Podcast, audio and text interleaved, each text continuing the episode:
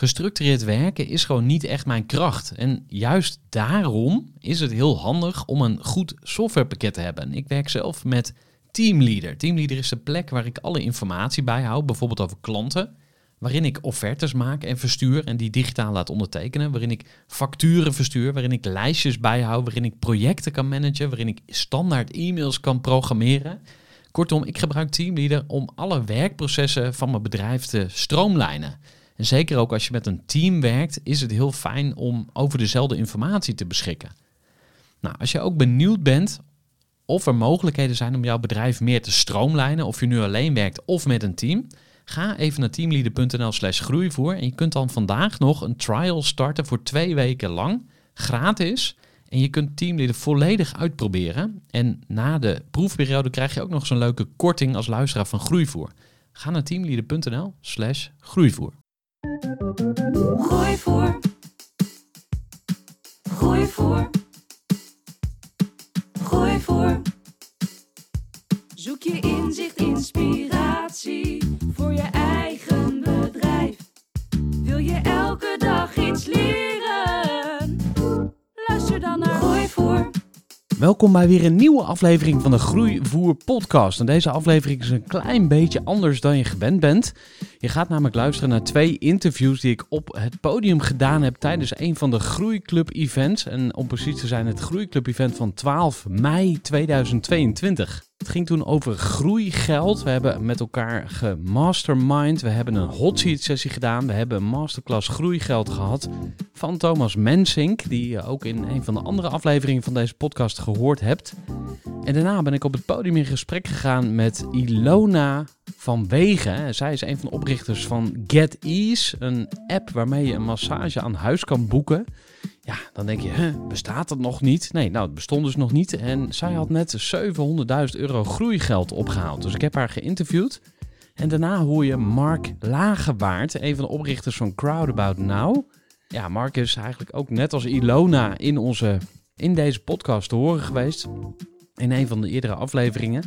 En met Mark heb ik het over groeigeld ophalen in eigen kring. Dus hoe kun je eigenlijk je eh, eigen tribe als het ware mobiliseren om geld op te halen als je dat zou willen. Nou, ik zou zeggen, ga lekker luisteren naar deze speciale editie van de Groeivoer podcast. En volgende week hoor je weer een reguliere aflevering. Voor de kennis en ideeën van een interessante gast. Die haar verhaal met jou. Ja mensen, ik zit hier eh, naast iemand die een eh, heel mooi bedrijf heeft. En ehm, ze heet Ilona. Ilona van Diepen. En jullie hebben haar misschien ook al gehoord op de Groeivoer podcast. Eh, maar misschien ook niet. En vandaag hebben we een primeur. Die ga je straks bekendmaken. Want Ilona gaat morgen de handtekening zetten onder een deal. Voor heel veel geld. In ieder geval, als je het zou pinnen, dan zou het hier echt een enorme bult eh, zijn. Eh super stoer. Maar we beginnen bij jou, eh, Ilona. Want ja, je hebt een bedrijf, GetEase. Ja. En nee, vertel eens even kort, wat, ja, wat is GetEase eigenlijk? ja, GetEase is eigenlijk een, een platform waarbij je dus diensten aan huis kan laten komen. Dus eigenlijk is het een soort gorilla's, alleen dan voor je kapper, masseur, personal trainer, yogaleraar, ehm, private chef. Ehm, ja, dat is eigenlijk het idee. Dus je kunt het via een, eh, een app kun je het boeken en dan binnen drie uur komt het naar je toe. Oké, bestond nog niet? Of, eh? Nou, er zijn wel een soort van ehm, ja, gelijksoortige initiatieven, maar ik denk niet in de vorm zoals wij het nu proberen op te zetten. Ja, oké. Eh, op je profiel, LinkedIn-profiel staat ex-Google, ex-Heineken. Ja. Je bent uit de corporate toren gesprongen Ja. of zo, het, het ondernemersavontuur. En waarom? Ja, nou eigenlijk vond ik eh, het altijd hartstikke gaaf bij Heineken, omdat het zo'n ondernemend bedrijf was. Eh, daarna wilde ik al ondernemen. Eh, na zeven jaar bier dacht ik, nou nu ga ik de sprong wagen. Ehm, maar ik had geen plan, geen geld, ik was zwanger. Dacht, ja, is misschien niet echt een top eh, timing. Laat ik dan bij een VC gaan werken, dan kan ik een beetje leren hoe het allemaal gaat. En, en ruilt en zeilt daar. En wellicht eh, ehm, ja, krijg ik inspiratie voor een business idee. Dus dat heb ik toen gedaan, heb ik vier jaar gezeten en ehm, ja, te gekke tijd gehad, maar was midden in de crisis. Dus eh, het ging allemaal niet eh, super florissant eh, daar. En, en Google klopte aan de deur of ik daar wilde helpen met de marketingafdeling, die net van start ging in Nederland. Dus toen kon ik overstappen En ehm, daar eigenlijk toch ook wel weer ondernemend bezig zijn. We zaten toen bij Google met een mannetje of twintig. Wacht even, ondernemend bezig zijn, dat... Ja, het is toch anders daar, totaal. Maar Google, toen ik daar begon met 20 man, was wel echt anders dan toen ik wegging. Toen we met 800 mensen zaten en ik realiseerde van... hé, hey, nu is het echt een corporate bedrijf, ook in Nederland. Ik ben alleen maar aan het besturen en ik wil dit gewoon niet. Ik wil zelf iets bouwen, zelf met mijn handen nog iets van de grond trekken, zelf een merk neerzetten. Ik wil niet meer adviseren. Uh, en toen kwam corona, moesten we allemaal thuiswerken. Nou, toen werd ik helemaal verdrietig. Uh, maar toen dacht ik wel, ja, dit is mijn kans. Thuiswerken kan, heb ik ook tijd, letterlijk um, en figuurlijk, om een soort van, ja, de ruimte om me heen om mijn business idee verder uit te ontwikkelen. En uh, dat heb ik gedaan. Ja, had, je, had je meerdere ideeën of was dit gewoon het idee waar je mee aan de slag wilde? Uh, nou, eigenlijk is het een beetje geïnspireerd op al die verschillende disruption waves die ik bij Google voorbij heb zien komen. Dus uh, ja, travel, telco, finance, retail. In mijn laatste jaren ben ik daar druk mee bezig geweest. En toen eigenlijk was een beetje de start van de journey. Nou, wat zou nou de next big thing, de next big wave of disruption kunnen zijn? En toen stuitte ik op een aantal bedrijven in Azië die uh, ja, heel groot zijn en ja, dus inspelen op services on demand. En toen ben ik daar heel veel data voor gaan analyseren en bekijken. En toen dacht ik, ja, met al die datapunten die ik daarin gevonden had, ja, dit zou ook wel echt iets kunnen zijn in Europa. En dat is eigenlijk een beetje het startpunt geweest. Ja, en uh, je hebt het samen met een compagnon uh, opgezet. Ja, met, waarom? nou, ik wilde sowieso niet alleen doen. Um, ik was eerst met een, een andere dame, maar die, ja, die kreeg toch koudwatervrees en durfde het niet aan. En we hadden toen al met z'n tweeën Maurits erbij gevraagd.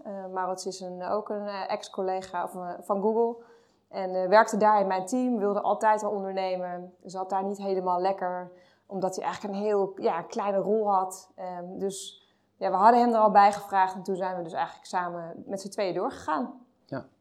Waar sta je nu? Ja, nou waar we dus nu staan. Um, en het is heel leuk dat ik net het verhaal heb gehoord. Dat is ongeveer een beetje de samenvatting van mijn leven van de afgelopen vier maanden. Uh, ik ben precies al die stappen doorgegaan die net eigenlijk uh, gepresenteerd zijn. En ik had graag dit verhaal gehoord uh, voordat ik daaraan begon. Um, want ik moest alles een soort van zelf uitvinden. Ik had echt geen clue waar ik moest maar, beginnen. Maar je hebt bij een VC-partij gewerkt? Ja. Venture Capital? Ja. Dus je kent het spelletje dan toch al? Waarom heb je dan ja. die fouten nog gemaakt? Nou ja, Wat ik heb is er daar, misgegaan? Ja, nee, ik heb, bij de VC zat ik echt aan de, aan de growth marketing kant. Dus mijn rol was toen destijds meer om um, start-ups die vanuit um, Zuid-Amerika naar Europa kwamen, om hen te helpen voet aan de grond te krijgen in Europa. Uh, dus ik heb me toen totaal niet bezig gehouden met financieringsconstructies. Um, en dat moest natuurlijk nu wel. Ja, dus eigenlijk heel wat anders. Ja. En uh, ik vroeg je van waar sta je nu? Uh, uh, hoe groot is je team bijvoorbeeld? ja, wat, wat, hoeveel klanten hebben jullie? Kan je daar iets over zeggen? Ja, dus we zijn live gegaan in november. Toen hebben we, een, we hebben een app gelicenseerd waarmee we snel live konden. we wisten toen al wel dat we snel een app moesten bouwen die echt van onszelf zou zijn. we hebben nu ja, tegen de duizend boekingen aangedaan, een aantal maanden later. Wat dus verdien je per boeking? Nou, wij doen, hebben een commissiemodel, dus dan hangt af van de, de average order value, die nu op 60 uh, euro ligt. En we pakken 20% commissie uh, op één boeking. Hm. Uh, we zijn live in Amsterdam. We hebben daar nu zo'n 100 service providers aan het platform gekoppeld. en as we speak is vandaag onze zelfgebouwde app live gegaan in de App Store. Dus dat is een mooie dag. waarmee we dus verder door kunnen bouwen. Um, ja, naar andere steden, naar andere landen ook. Um, en ik hoop morgen inderdaad de handtekening te zetten um, rond de deal die we met twee VC's hebben gesloten.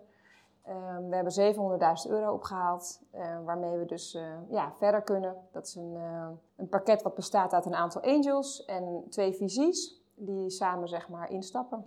Oké, mag ik even een applaus voor 700.000 euro? ah, dat is toch eh, een flink, flink bedrag. En uh, in onze podcast had, had, je het ook over een army of interns. Ja. Uh, dus je had een enorme afdeling met allemaal, ik zie, zag het ook helemaal voor me, dat je als soort slavendrijver al die mensen daar heel hard rondschopte.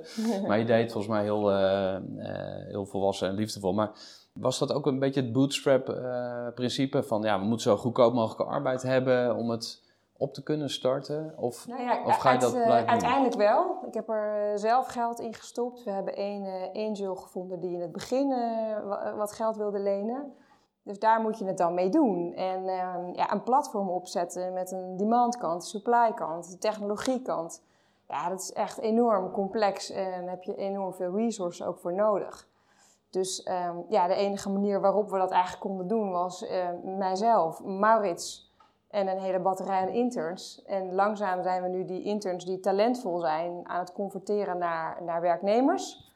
Ehm, en proberen we wat senioriteit nu aan te trekken met externe profielen.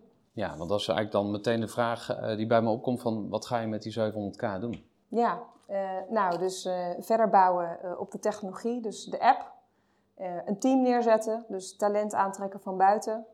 Ehm, en natuurlijk eh, een heleboel eh, investeren in eh, de demand- en de supply-kant. Dus de recruitment van nieuwe service providers, maar ook ehm ja, demand-kant ehm, aanzwengelen in Amsterdam met marketingactiviteiten. En dat kunnen we dan ongeveer volhouden, laten we zeggen 12 maanden maximaal. Oké, want dat is de burn rate dan, of hè, de Ja. 700k, daar kun je een jaar mee uitzingen. Ja, Ehm, je zei net heel even van, ik vind het ook wel een beetje spannend of zo. Ik kan me Nou ja. voorstellen als je al dat geld ophaalt. Ja. En ja, aan de ene kant, het is niet jouw geld. Dus als het verdwijnt, oké, niet mijn probleem zou je kunnen zeggen. Of is dat dan ook jouw probleem? Ja, nee, natuurlijk. Kijk, het is je baby en je wilt dat het gaat slagen. Ehm, en, je- en je realiseert je ook, je je leeft een soort van, nou, dat zal iedereen denk ik in de zaal herkennen als je ondernemer bent. Je, je, leeft, je leeft van milestone naar milestone. En, en ja, op een gegeven moment weet je van, oké, dat is het moment dat het geld op is. Als ik dan niet mijn funding binnen heb, dan is mijn bedrijf klaar. Ja. Dus ga je dan heel hard naartoe werken. En nu is opeens dat geld er. En nu is het opeens van, oké, dan moet je heel snel weer doorschakelen van oké naar de volgende milestone. En dat gaat dan weer over ja, een, een goed werkende app, eh, boekingen. We moeten natuurlijk retentie voor elkaar hebben. Eh, de kwaliteit moet goed zijn. Dat is natuurlijk, natuurlijk geeft dat ook eh, ja, een vorm van positieve stress. Positieve en ook negatieve Ja. stress of niet? Lig je Ja. er dan niet ook een beetje wakker van of zo? Of eh, Ja, heb je er geen last van? zeker, zeker. Tuurlijk. Ja, dat, dat je denkt, mijn god, hé, ga- gaat het ooit nog goed komen? waar ben ik aan begonnen? Waar ben ik aan begonnen, echt? Ja. Ja. Hey, en hoe gaat het dan tussen jou en eh, Maurits? Is hij dan de, de, eh, de cool guy, zeg maar, die het, het hoofd cool houdt? of of Nee, jij, we jij misschien juist? Nou, dat is grappig, want er zijn, ik heb van hele andere dingen stress dan hij. En dat vind ik op zich altijd wel grappig. Want dan zie ik op hem opeens enorm gestrest over zijn. En denk ik echt, huh? En wacht, is- geef eens een voorbeeld. Ja, bijvoorbeeld in de financiering, daar heb ik dan met name geleid. Dus ik was daar op een gegeven moment echt wel confident dat dat gewoon goed ging komen. En dan was hij wel echt, ja, als het maar goed gaat komen. En als het maar echt gaat storten. En, dus joh, dat, dat komt goed. En ja, die onderhandelingen met zo'n VC, die zijn ook nog wel even, ja, moet je taf. Dus dat, ehm, ja, Oh ja. Hoort, hoort erbij ook. Om dat gewoon goed in een contract te krijgen, goede afspraken te maken. Nou, daar kreeg hij dan weer wat stress. Ik heb dan weer stress als opeens die, die nieuwe app eh, li- live gaat en ik zie die honderdduizend bugs. Dat ik denk, maar god echt, ehm, gaat ooit eh, dit nog eh, ja, goed werken? En dan zegt hij, "Pff, Lona, don't worry, een paar dagen, trek hem helemaal strak. Nou, dat deed hij ook. Dus dan oké, top. Nou, En zo moet je elkaar een beetje, eh, ja, helpen. Ja. Die 700k, dat klinkt alsof het eh, nog het begin is of zo. Verwacht je nog meer eh, rondes te gaan doen? Ja, ja we, moeten meer rondes doen met- alleen Amsterdam en met 20% commissie op, een, hè, op één boeking. En we kijken ook naar andere businessmodellen, maar ja, we hebben gewoon echt schaal nodig om dit goed eh, te laten werken. We hebben ook een, een schaalbare technologie gebouwd die over heel Europa eh, kan werken. Dus dat is het doel om eh, eigenlijk in 2023 eh, met het nieuwe geld wat we dan hopelijk kunnen ophalen in Q1, om dan naar andere landen te gaan. En dan een eerste nieuwe stad aan te boren. Dus, want dit is een city game. Spannend. Ja. Ehm, welke offers wil je brengen voor het bedrijf en welke niet? Ik herinner me dat ik ooit een start-up avontuur had samen met, met Jochem en nog een compagnon. En zo hard als ik toen gewerkt heb, wil ik eigenlijk nooit meer werken. Want, ja, het was gewoon zeven dagen per week. Dus eh, je hebt maar één, ik heb gevoelsmatig maar één keer zo'n tien jaar om echt volle bak Ja. te gaan. En jij hebt al eh, carrière gehad en nu ga je zo'n start-up Ja. avontuur doen. Ja, welke offers wil je maken en welke niet meer? Nou, Waar dat is eigenlijk een soort van vraag die ik mezelf elke dag stel. Ehm, en ik ben er eigenlijk nog niet helemaal over uit. Het enige wat ik wel weet is dat ik iets meer ruimte letterlijk in mijn gezin heb. Eh, mijn, ik heb twee dochters, die zijn al wat ouder, die zijn 11 en 13. Doen ook wat meer hun eigen plan. Het is niet meer dat ze de hele dag zeg maar, zorg van mij nodig hebben. Ze zijn overdag ook druk met hun eigen schoolactiviteiten. Maar als ik thuis kom, dan moet ik er wel voor ze zijn. Dat wil ik ook. En dat, dat helpt me ook om heel even te resetten. Maar daarna gaat inderdaad wel weer die laptop open. En je bent eigenlijk een soort van always on aan. En ja, voor nu vind ik dat eh, heerlijk. En, ehm, maar goed, er zijn ook momenten inderdaad dat je even denkt... hé, hey, ja, ik struggle daar een beetje mee. En ja, de strijd tussen de ambitie en het moederschap is soms wel heftig in je hoofd. Even een korte onderbreking met een belangrijke vraag aan jou. Want wat heb jij geregeld voor het geval je van de ene op de andere dag zou komen uit te vallen? Wat gebeurt er dan met je bedrijf, maar vooral wat gebeurt er met jou persoonlijk en ook in financieel opzicht? Samen met ASR voerde ik drie openhartige gesprekken over tegenslag en veerkracht. En dat deed ik met Saskia, Vincent en Pieter. Ondernemers met een bloeiend bedrijf die van de ene op de andere dag niet meer konden werken. En die verhalen hoor je in aflevering 256, 257 en 258 van deze podcast. Als ondernemer wil je natuurlijk niet uitvallen. En daarom is het belangrijk dat je veerkrachtig bent, want voorkomen is beter dan genezen. En als het dan toch misgaat, is het fijn dat je iets geregeld hebt, zodat je weer snel door kunt met ondernemen. Wil je weten hoe veerkrachtig jij nu bent? Vul dan in twee minuten de veerkrachttest van ASR in. Ga naar asr.nl/slash veerkrachttest ondernemers.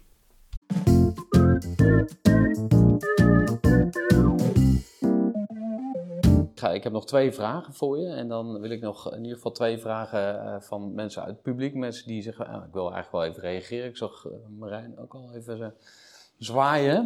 Um, en mijn twee vragen, ik ga ze gewoon meteen tegelijk stellen. Maar kun je ons je beste les geven over het ophalen van geld? Is dat iets wat je mensen adviseert? En zo ja, wat is dan daarin je beste tip? En vraag 2 die, uh, is eigenlijk, ja, wat is je beste les over ondernemen?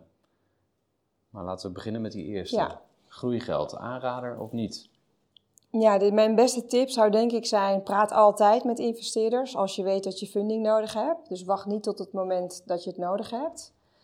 Toen Get Ease bestond uit uh, tien slides. Uh, toen spraken we eigenlijk al met investeerders. Niet zozeer om geld op te halen, maar om feedback te krijgen, om een soort van een beetje te leren hoe zij daarnaar keken, wat ze belangrijk vonden. En, en al die gesprekken die hebben ervoor gezorgd dat op het moment dat ik de funding nodig had en ik echt aan de bel trok, toen was het gewoon eigenlijk vrij snel geregeld. Omdat ze dan jou al wat langer kennen. Ze weten al een beetje wie jij bent als ondernemer, hoe je naar problemen kijkt, hoe je dingen oplost, aanpakt. Uh, maar ook de feedback is natuurlijk enorm uh, waardevol. Dus, dus, uh, en dat geldt dus nu ook. Dus we hebben nu 700.000 euro opgehaald. Maar ik moet morgen eigenlijk alweer starten met funding ophalen voor volgend jaar, zonder dat het me heel veel tijd mag gaan kosten. Dus als ik daar gewoon, laten we zeggen, twee uur in de week aan zou besteden, dan hoop ik dat ik straks sneller zou kunnen zijn.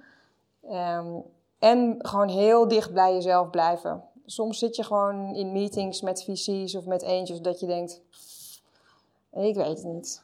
Het voelt gewoon niet helemaal lekker.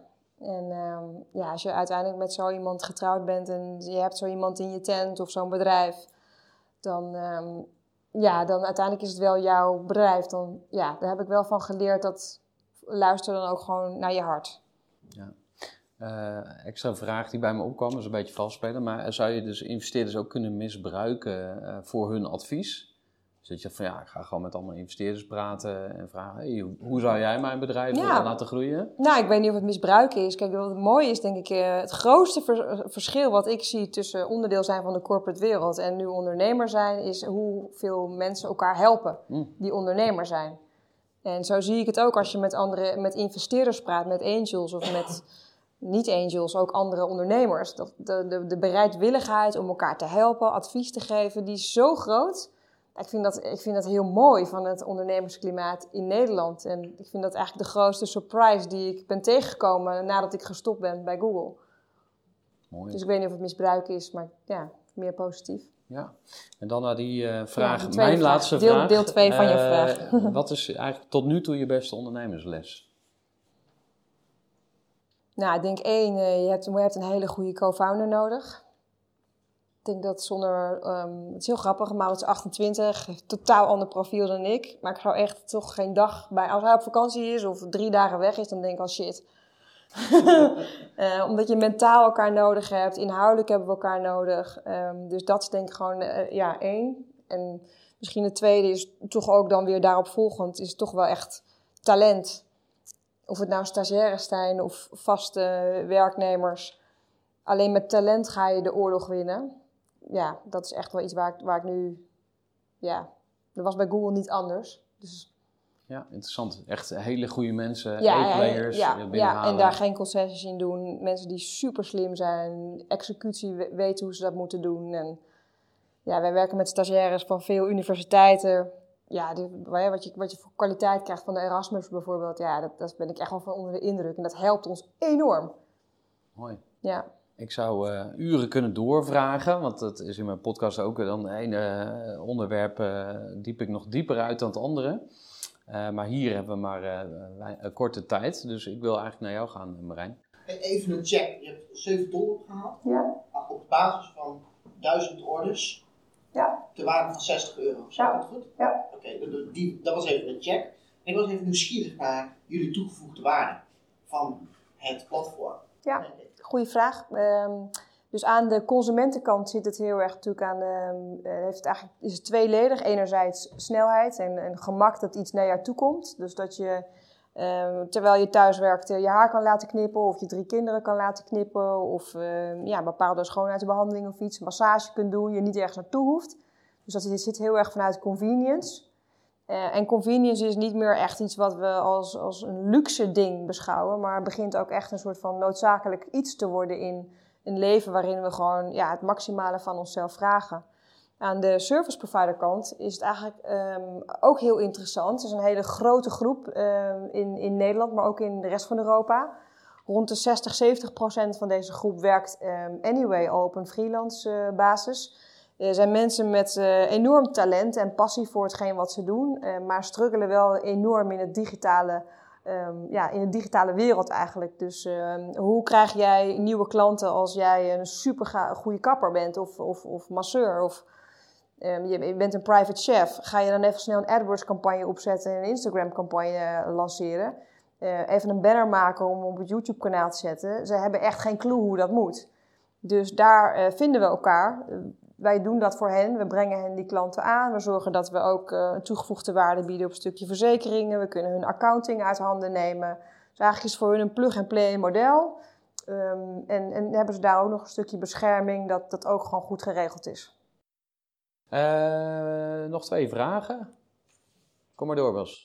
Je geeft aan dat jullie in Amsterdam live zijn. Ja, Waarom alleen in Amsterdam, niet in heel Nederland? Als je platform hebt, Ja. mensen registratiecommunities invullen als Ja. service provider en als consument, waarom niet in Nederland? Ja, ook een hele goede vraag. Kijk, eh, we hadden twee ton eh, startgeld. Daar kun je gewoon niet mee. eh, Daar kun je gewoon niet heel Nederland mee doen. Dat is onmogelijk. Daar moeten we dus ehm, nieuwe mensen gaan vinden. Daarvoor moeten we adverteren.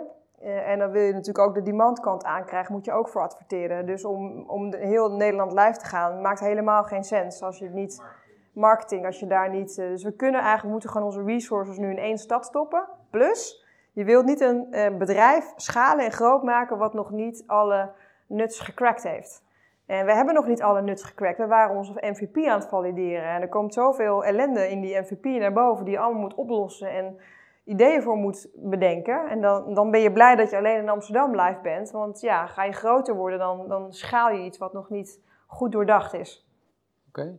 Eh, ja, we gaan het hier afsluiten. Als jullie eh, nog verder willen praten met Ilona, straks tijdens de borrel. Je kunt ook de podcast beluisteren. En ik wil nu een eh, applaus en een bos bloemen voor deze.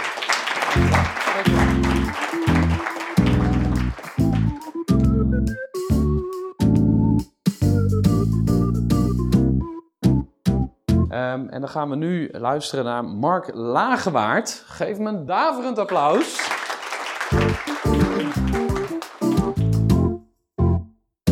Ja, Mark, eh, we kennen elkaar natuurlijk al een tijdje. We wonen eh, niet bij elkaar om de hoek, maar eh, qua kantoor. Ehm, eh, ja, ik kom elke dag langs jullie kantoor en dan zie ik al die mensen zitten. Dan denk ik, oh, nou, je hebt wel een serieus bedrijf gebouwd. Je bent ook op de Groeivoer podcast geweest. oprichter van Crowdabout Now. Voor eh, de mensen die eigenlijk niks weten van, van crowdfunding, kun je heel kort uitleggen wat het is en hoe dat past in het eh groeigeldlandschap? Ehm wij zijn een crowdfunding platform. Ehm, en goed, de meeste mensen weten wel wat crowdfunding is. Hè? Dus je gaat financieren met een, met een grote groep mensen. Wat, wat wij wat anders doen, is dat we ons niet zozeer richten op mensen die er primair financieel in gaan. Dus beleggers die instappen omdat ze bijvoorbeeld een hoge rente krijgen of veel zekerheden.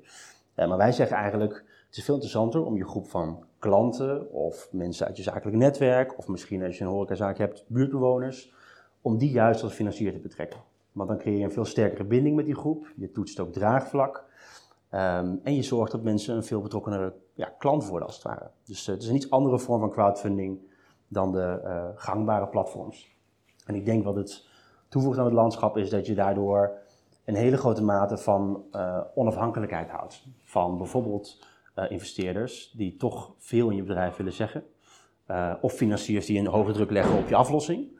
Ja, ik denk dat dat een, een toevoeging is aan het, aan het financieringslandschap. Ja. En waarom ben jij gaan ondernemen? Ik heb nooit het plan gehad om ondernemer te worden in ieder geval. Dus, dus het komt echt een beetje uit een persoonlijke frustratie die ik had. Eh, ik ben zelf in 2009 begonnen. Toen uh, studeerde ik nog half, was ik een hele matige student.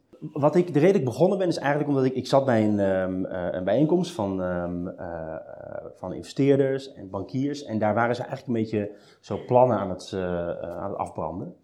En dat vond ik heel interessant, dat dat, dat dat een soort dynamiek was die ontstond. Wat je nu ook ziet bijvoorbeeld bij Dragon's Den. Um, dat er heel erg, weet je, op die manier wordt gekeken naar een, een ondernemingsplan. Of naar wat die ondernemer doet.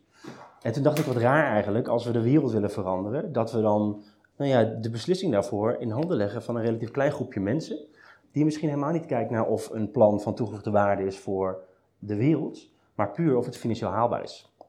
Hebben we niet juist ondernemers nodig die een beetje in het diepe springen en een risicootje nemen? Um, en toen dacht ik, waarom zouden we dat niet gewoon financieren met een groep mensen in zo'n zaal? En die hebben misschien niet uh, tienduizenden euro's, maar misschien heeft één persoon 500 euro en de andere 5000. Uh, en dan gaan we zo een plan financieren. Dat was eigenlijk die, uh, de gedachte achter Crowdwork. Ja. En waar stond crowdfunding in 2009? Waar, waar staat het nu? Is het gegroeid of, of gelijk? Of, en, en is het geavanceerd of zo? Hoe, hoe zou je de ontwikkeling schetsen? Ja. Ja, toen de tijd had je een best wel groot platform, wat ook een Nederlands platform was trouwens, uh, Celeband. Die richt zich echt op uh, uh, muzikanten. Die bestaan ook al jaren niet meer. en Kickstarter startte toen net. En Kickstarter, dat kennen veel mensen denk ik wel, dat richt zich echt op meer innovatieve producten, maar ook meer creatieve en culturele projecten. Um, door de jaren heen is, is, crowdfunding in het opzicht van financiering serieuzer geworden. Dat je meer um, nou ja, soort van grotere platforms hebt die zich richten op ondernemersfinanciering. Maar het is ook wel een beetje bankair geworden. En een beetje, uh, ik vind het op zich saai, zeg maar. Het, gaat, beweegt zich steeds meer naar vastgoed, naar zekere investeringen. Uh, en daarmee kan het eigenlijk, hè, het gros van de platforms kunnen maar één kant op. Dat is gewoon zo zeker mogelijk financieren. Uh, en mensen zo min mogelijk keuze geven uit nou ja, waar ze hun geld in stoppen. Dus dat is wel een beetje, dat vind ik wel jammer. Want ik had gehoopt dat het een kant op ging dat je juist ziet dat meer soort ondernemers crowdfunding gaan inzetten. Maar ik merk dat het, ja, die groep die wordt wel kleiner. Ja. En hoe, ziet zo'n proces eruit uh, voor een ondernemer? Heb je misschien een voorbeeld van een ondernemer die jullie uh, ja, gefaciliteerd hebben zeg maar, in dat proces? Wat zijn dan de stappen? Hoe lang duurt het? Hoeveel geld kun je ophalen? waar komt dat geld vandaan? Hoe, hoe is het verdeeld, zeg maar? Ja. Um, een recent voorbeeld is um, Happy Soaps. Zij maken um, plasticvrije verzorgingsproducten. En wat ik, zij waren op zoek naar 8 ton.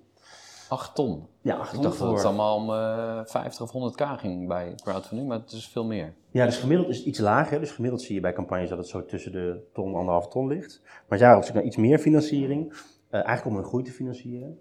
En zij kwamen denk ik bij ons in, ja, ik denk maart of zo. Uh, en uiteindelijk het model zoals wij hem hadden, dus het financieren met je community, met je klanten, met mensen die je nog niet kennen, um, dat was heel wat waar ze ook op, naar op zoek waren. Uh, alleen ze hadden wel haast, dus ze wilden die financiering wel binnen een paar maanden ophalen. Uh, waarom, waarom hadden ze haast? Even, um, nou ja, omdat ze ook, in, in, ze hadden ook meerdere opties, hè, dus ze hadden ook een andere financier die ze in konden zetten. Um, maar ze wilden eigenlijk ook wel, het liefst zouden ze het via crowdfunding willen doen. dus toen zijn we gaan praten en hebben ze geholpen om die campagne op te zetten en uiteindelijk hebben ze in redelijk korte tijd een peiling gedaan. Dus hebben ze ook bij geholpen, um, onder hun klantenkring. En toen hebben ze volgens mij in, in twee weken tijd dus hebben ze uh, acht ton opgehaald. En dat is best bijzonder, want voor mij betaalden ze daar uiteindelijk eh 2% rente over of zo. Die lening staat eh, maar vijf jaar uit, zonder dat er zekerheden tegenover staan. Dus het is een hele hoge risico-investering met een lage financiële tegenprestatie. En dat is heel raar. Hè? Dus als ik een bankier dat vertel, dan zegt hij, ja, maar dat kan helemaal niet. Want waarom zou je nou tegen een hoog risico gaan investeren met een lage rente? Ehm, maar ik denk dat heel sterk is een Happy Soap. Ze, zegt, ze zijn heel erg missiegedreven. Ze hebben een hele sterke fanbase en klantengroep. Die betrekken ze ook heel erg bij de beslissingen die ze nemen. Eh, en daardoor kan dat. Dus ehm, ja, dat vind ik wel een mooi voorbeeld. Ja, en ehm, ik gooi even een vooroordeel erin. Is, is eh, crowdfunding vooral iets voor hipster, horecazaakjes, eh millennial-achtige bedrijven, zeg maar? Want dat gevoel kan ook een beetje ontstaan. Ja. Of Ja. is het ook gewoon heel, Ja, nee, heel traditionele dingen? Nou, ja, ja. Gooi het omver ehm, of eh, versterk ja, het eh, beeld? Ehm, ik denk Remco Marco van Happy Soaps, dat zijn niet je stereotype hipsters. Ze hebben in ieder geval geen, eh, geen knotje. Ehm, ik weet niet wat voor koffie ze drinken. Nee, zijn, maar... zijn het idealisten? Ja, want dat zijn het dus wel. Jawel, zeker. Ja, maar ik denk dat het gros van... Wij richten ons natuurlijk wel veel op, laten we zeggen, wat, wat kleinere lokale ondernemers. Of ondernemers met, die sterk missie gedreven zijn, een product hebben. Ik merk wel dat, dat juist de meer traditionele ondernemers, ehm, dat zijn wel juist interessante ondernemers, want die hebben vaak een veel waardevoller netwerk. Weet je, als je al jaren bezig bent, dan kan je, nou, heel, heel cliché, maar je lokale bakker of je slager, of, eh, dat is juist een zaak, denk ik, die heel interessant is voor crowdfunding. Die juist al jaren gebouwd heeft aan zo'n netwerk of aan zo'n community. En dat eindelijk nu terug kan zien in zijn financieringsvoorwaarden. Want als hij naar de bank gaat, moet hij nog steeds heel veel rente betalen, veel zekerheden afstaan. Een investeerder gaat zich te veel met zijn bedrijf bemoeien. Uh, maar hij heeft wel een groep die hem al jaren of haar al jaren bezoekt, die contact heeft. En zo'n ondernemer heeft een belangrijke rol in zijn lokale economie. Dus dat is denk ik juist heel interessant voor, voor crowdfunding. Dat zijn ook campagnes die vaak veel beter draaien dan de meer, uh, nou ja, alleen maar hippe of uh, ja, dat, dat, type ondernemer. Ja, in de presentatie kwam ook een categorie dromer, geloof ik. En wat was het nog meer? Amateur, hobbyist of zo? Hobbyist, ja. Hebben jullie een soort kwadrant van, oké, okay, jullie mogen niet meedoen en jullie willen we echt liefst naar binnen slepen, zeg maar. Wat, wat zijn een beetje de criteria om iemand af te wijzen of niet? Ja, wij, wij, wijzen in principe nooit ondernemers af. Hè. Dus wij leggen uit waar die crowdfunding om gaat. En dan, als ik dit uitleg, uh, en ook nog een keer erbij vertel dat we ook geen checks doen van cijfers. Dan schrikken mensen altijd een beetje van, ja, hoe kan dat nou? Want krijg je dan niet een hele grote uh, nou ja, idioot op je platform. Heb je dat, heb je dat wel eens gehad?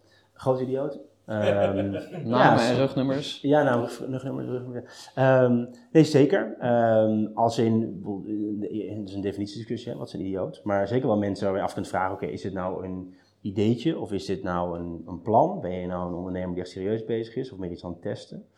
Um, op het moment dat je de financiële impuls weghaalt uit zo'n campagne, dus je mag mensen, uh, mensen mogen niet een hele hoge rente bijvoorbeeld bieden, en dus geen zekerheden, dan moeten mensen beginnen met zo'n campagne in hun eigen kring, hè, dus in hun eigen community. Uh, en iedereen kent wel zo'n ondernemer of een vriend die altijd weer een nieuw ideetje heeft. En als die jou vraagt, hey, doe je mee met 500 euro of 1000 euro, uh, dan doe je gewoon niet mee. Want ja, daar heb je weinig vertrouwen in. Misschien dat je er nog een keer 50 of 100 euro in stopt voor de leuk. Maar dan weet je al, oké, okay, dat geld ben ik op voorhand sowieso al kwijt, want dat komt waarschijnlijk nooit terug. Maar daar ga je geen 10.000 euro's mee ophalen. Um, dus dat is wel een soort van nou ja, check die daardoor gebeurt. Dus het selecteert zichzelf eigenlijk uit? Ja, ja, je kunt het nooit 100% doen. Er zullen ook zeker op ons platform ook wel fraudegevallen uh, komen, of misschien zijn die er al. Maar als je die impulsen eruit haalt, dan verklein je dat wel. Want mensen moeten wel hun netwerk in zichzelf laten zien. En dan sta je wel met je kop op internet. Dus dat heeft best wel veel gevolgen. Ja.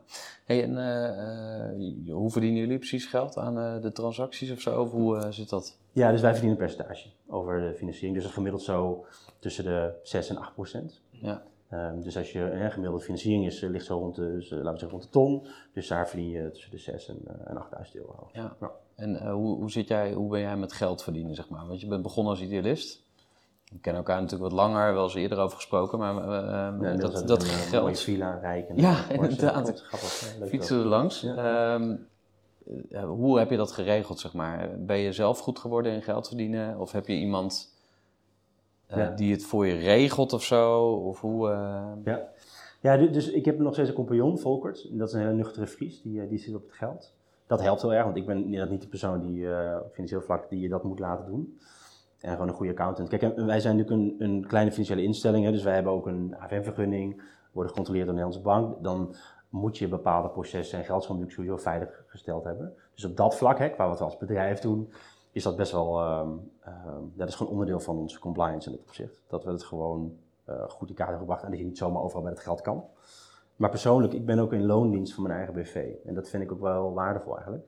Dus ik zie mezelf eigenlijk ook wel gewoon als werknemer van mijn eigen BV. Ook als ondernemer. Maar daarnaast ben ik ook gewoon, zie mezelf als onderdeel van het team.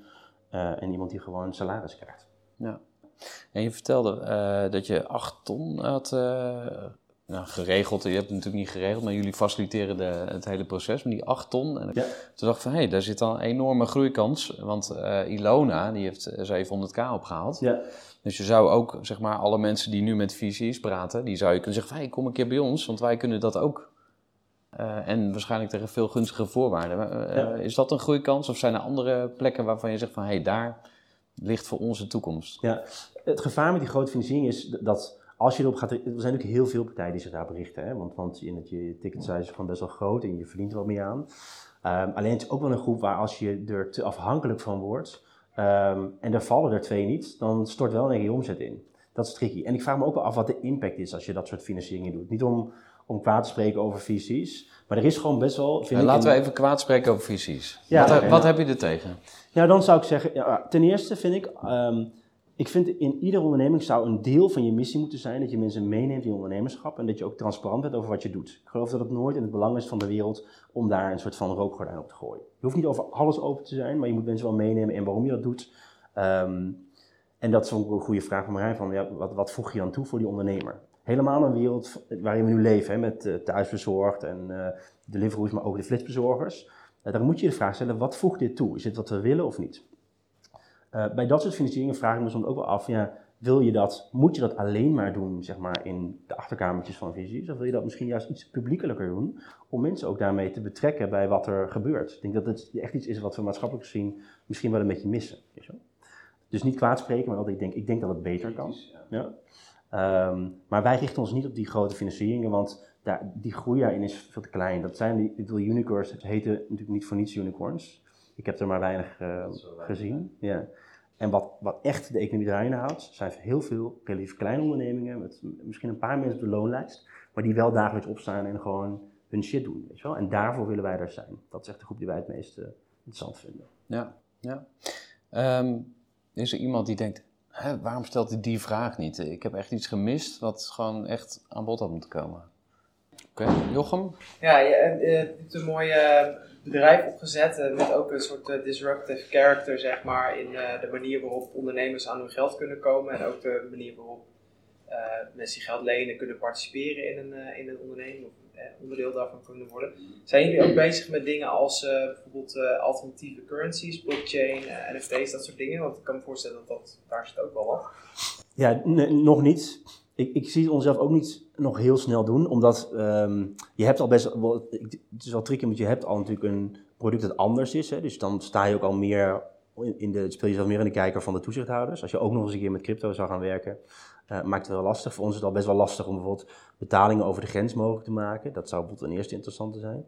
Dus um, nog niet. Ik denk als er één kant is op, op is waar we het snelst naartoe zullen wegen, is het veel meer om die communities rondom die ondernemers te versterken. Dus ik geloof echt veel meer in producten die, die ondernemers kunnen helpen om die community van financiers nog meer te betrekken. Of hun klanten, zodat je lokaal nog veel meer met die groep kan doen. Dat je echt nou, meer betrokken wordt bij die ondernemers. Dat, ik vind die ene onderneming tof, die uh, heet Too Good to, to Go volgens mij. Die, die, ja. dat, dat is echt een product zijn wat ik heel erg vind aansluiten bij hoe wij ook naar kijken. Dat je heel vanuit die ondernemer, je hebt een probleemstelling, daar ga je die lokale community bij betrekken. Dat soort diensten.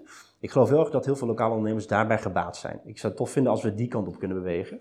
Uh, en crypto misschien op een zeker moment, maar, uh, maar niet op korte termijn. Nee. Oké, okay, nog een vraag van René. Ja, ik ben wel benieuwd, waar uh, wordt het opgehaalde geld in ge geïnvesteerd door die onderneming? Ja. Ja, dat is heel divers. Um, het is vaak best wel concreet en, en tastbaar. Hè? Helemaal als je het hebt over de wat kleinere lokale ondernemers, dan kan het best gaan in een, uh, in een in, apparatuur of uh, misschien een terras voor een horecaondernemer of zo. bij de wat grotere financieringen zie je ook wel dat het ja, goede financiering is dat bijvoorbeeld in personeel gaat of in marketing of dat soort doeleinden. Hoe groot gaan jullie worden?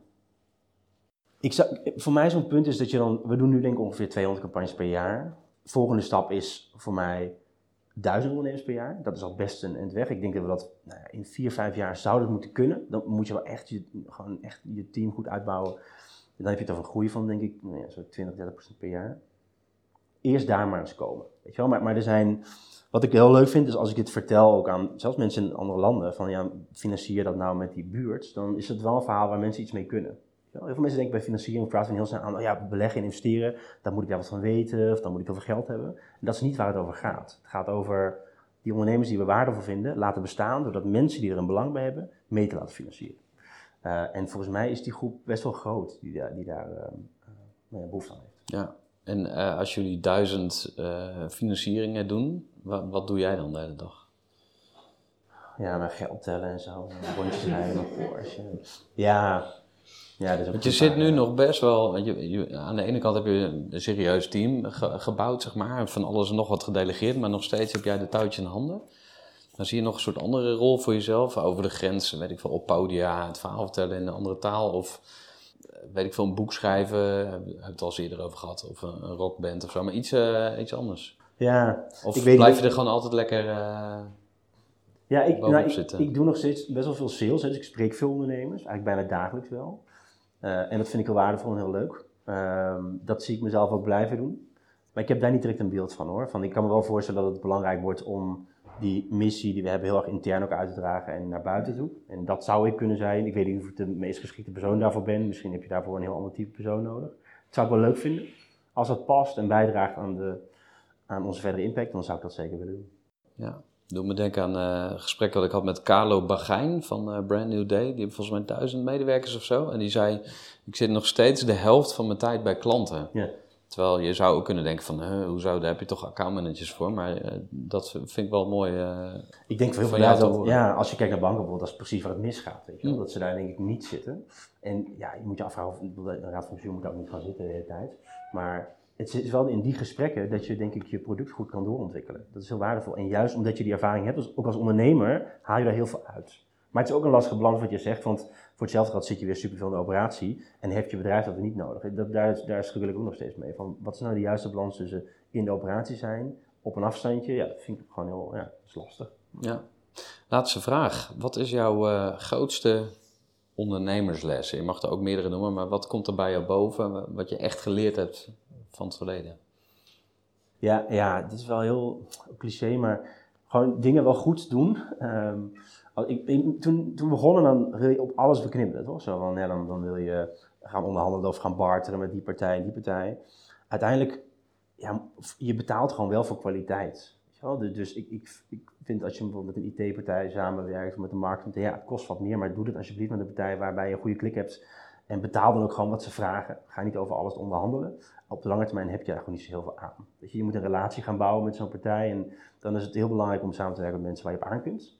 Uh, en die komen ook niet zo met een tariefstelling, weet je wel. Die hebben daar doorgaans goed over nagedacht of vinden dat wat ze waard zijn. Um, dus dat, dat is denk ik wel een hele belangrijke. Daar ben ik te lang, uh, denk ik, te laks in geweest. En dan merk ik op een gegeven moment ook dat partij of partner waarmee je samenwerkt af gaan haken, ook met bijvoorbeeld je team, weet je wel, dat je mensen te weinig betaalt. Soms kan het niet, maar, maar zodra je de ruimte hebt, dan liever zelf wat minder uitkeren en dat steken in je team of in de partner waarmee je samenwerkt, dan, ja, dat is dus zelf doen. Dat is, uh, dat is denk ik mijn belangrijkste les. Oké, okay. misschien nog een bonusles? Ja, begin met roken. Dat vind ik een, uh, een belangrijke. Nou, iets over je persoonlijke iets, groei? Of, of zoiets. Of... Nou, dit is, een beetje, dit is natuurlijk een, een beetje een grapje, maar uh, toen ik nog rookte, ik ben nu vijf jaar gestopt, wat ik er, uh, wat ik er altijd heel krachtig vond aan het roken zelf, dat ik uit mijn kantoor stapte en dan van buiten naar binnen ging kijken. En dan zag je op een gegeven moment mensen zitten en die waren iets aan het doen en dat hielp me heel erg om te reflecteren op waar we dan vandaan kwamen naartoe gingen. En zoiets, dat, dat heb ik altijd, ik mis dat, dat is denk ik wat ik het meeste mis aan roken, dat je even gewoon eruit gaat uit de operatie en daar, daar kijkt, zeg maar. Weet je wel? Bijna als een toeschouwer naar wat je aan het doen bent. Um, ik doe het nog steeds, of dus eigenlijk nu nog steeds ja, te weinig. Um, maar dat is wel iets wat ik altijd heel waardevol gevonden om dat te doen. En ik zie ook ondernemers die dat even doen, of even weggaan, afstand nemen en er op hun operatie kijken. Dat, dat, ik denk dat je er heel veel van kunt leren. Mooi, dankjewel. Mark Lagewaard, graag applaus.